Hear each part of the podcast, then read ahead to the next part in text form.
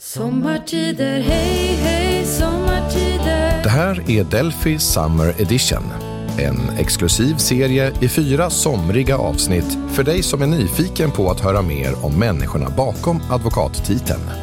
Vi möter fyra advokater som delar med sig av sina egna berättelser om den krokiga vägen inom juridiken. Idag tillsammans med Johan Engdahl, partner och advokat, specialist inom dataskydd och life science och del i Delfis tech och IP-grupp.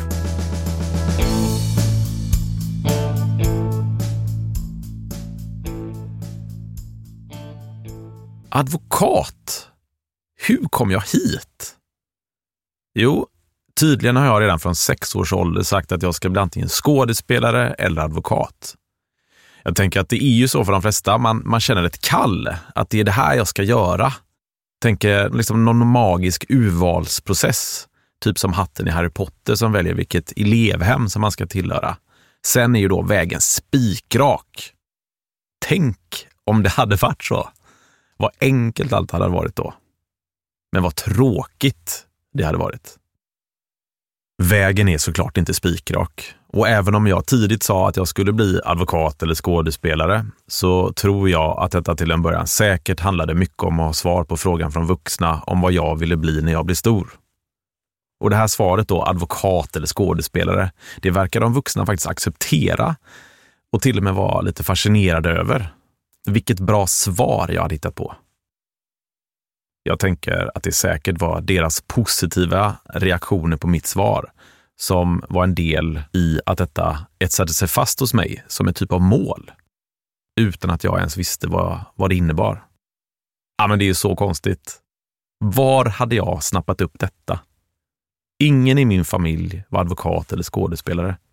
Ja, det är väldigt oklart varför jag som sexåring bestämde mig för detta. Men nu blev det så.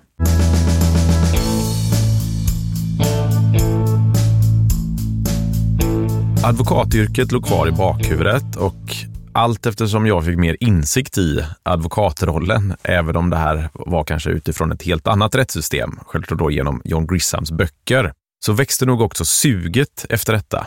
Även om det skulle ta väldigt lång tid innan jag skulle testa på att vara på en advokatbyrå och då en svensk affärsjuridisk byrå. När jag fick frågan om jag skulle vilja vara en del av Delphi Summer Edition så tänkte jag ju, självupptaget såklart, äntligen ska jag få möjlighet att berätta min story. Fantastiskt roligt. Tänker också att det är en bra början då med uttalade mål och drömmar från sex års ålder och så kan man fortsätta så. Tyvärr, eller kanske tack och lov för er lyssnare, så var ju det då tiden för min berättelse i detta poddformat högst begränsad. Så jag kommer att behöva snabbspola en del i berättelsen om mitt liv och helt enkelt säga att det, det nog var valet att gå på en AV under studietiden som gjorde att jag fick möjlighet att komma in på en affärsjuridisk advokatbyrå. Och detta då genom att få göra uppsatspraktik. Väl på plats på advokatbyrån så kände jag att jag var hemma. Ja, men varför då? Varför känner jag mig hemma där? Jo, men det är ju en spännande miljö och det kändes som att man var i händelsernas centrum och det kändes som att man gjorde skillnad.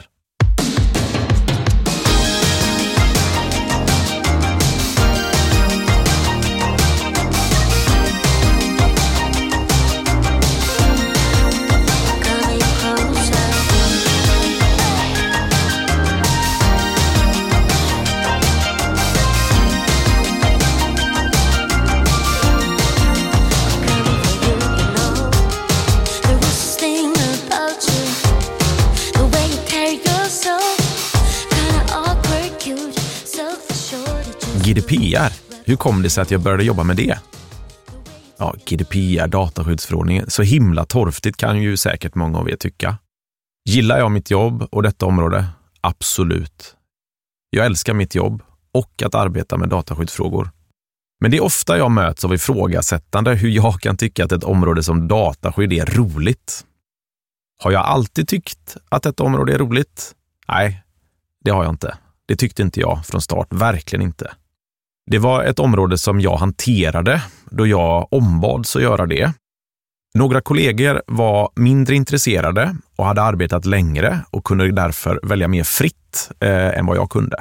Men som det ofta blir, ju mer man sätter sig in i ett område och lär sig, desto roligare blir det Och det stämde verkligen med dataskydd. Så detta blev mitt område.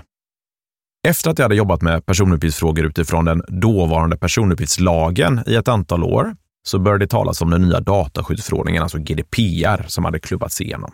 Nu hade företag, organisationer, myndigheter två år på sig att säkerställa att man uppfyller de krav som GDPR ställde. Jag jobbade på ganska bra med det här och till våra seminarium som vi höll om dataskydd när personuppgiftslagen var i centrum började helt plötsligt dyka upp väldigt många personer. Och det var då inte bara de mest inbitna eh, dataskyddsentusiasterna. Det var tydligt att GDPR skulle få en helt annan genomslagskraft. Även om det tog ett tag för mig att fullt ut greppa hur GDPR skulle ta sig in mer eller mindre överallt. I denna veva så fick jag ett erbjudande om att ta mig an GDPR-utmaningen hos ett av Sveriges största företag, Volvo Cars. Jag var egentligen inte intresserad av att lämna advokatyrket, men jag antog den här utmaningen och jag blev ansvarig för dataskyddsfrågor på Volvo Cars. Och tillsammans med en complianceansvarig samt en driven DPO började jag jobba med bolagets GDPR-projekt.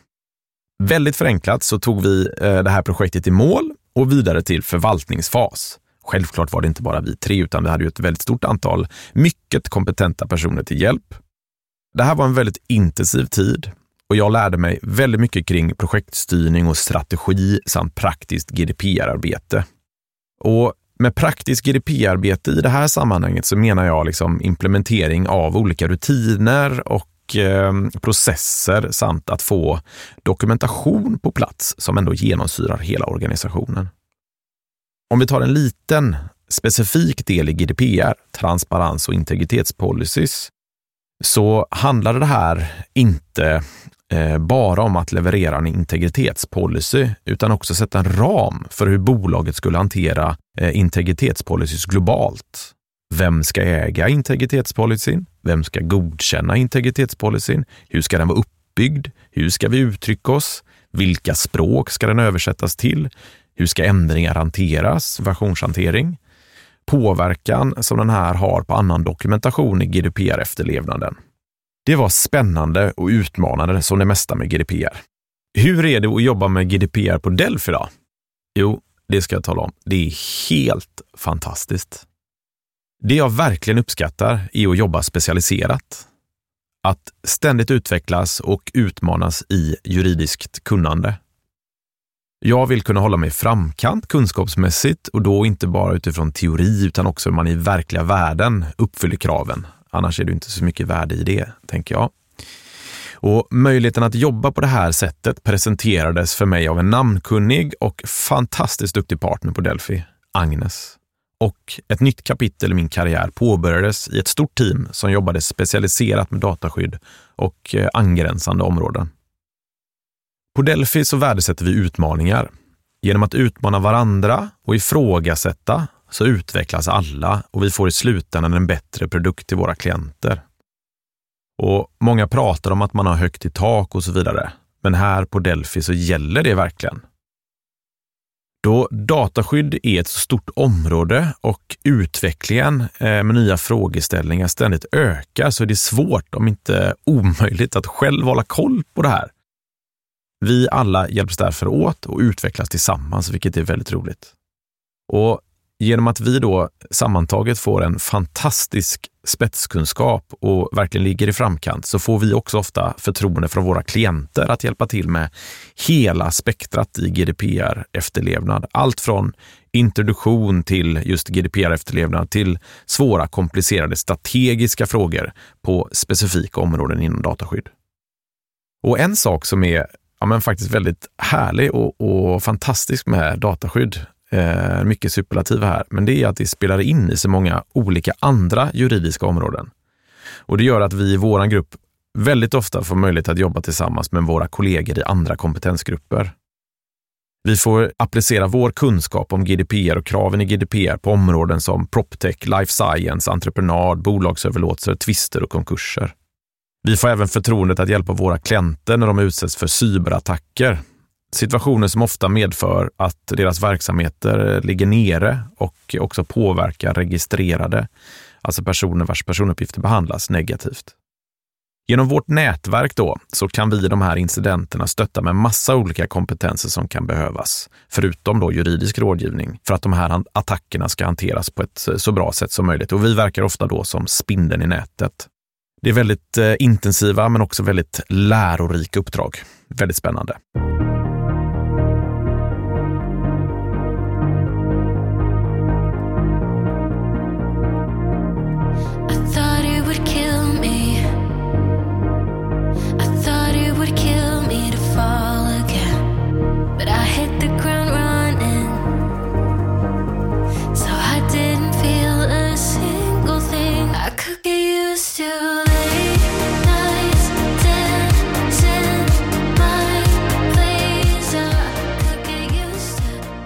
Vad ser jag fram emot då i min fortsatta advokatkarriär hos Delphi?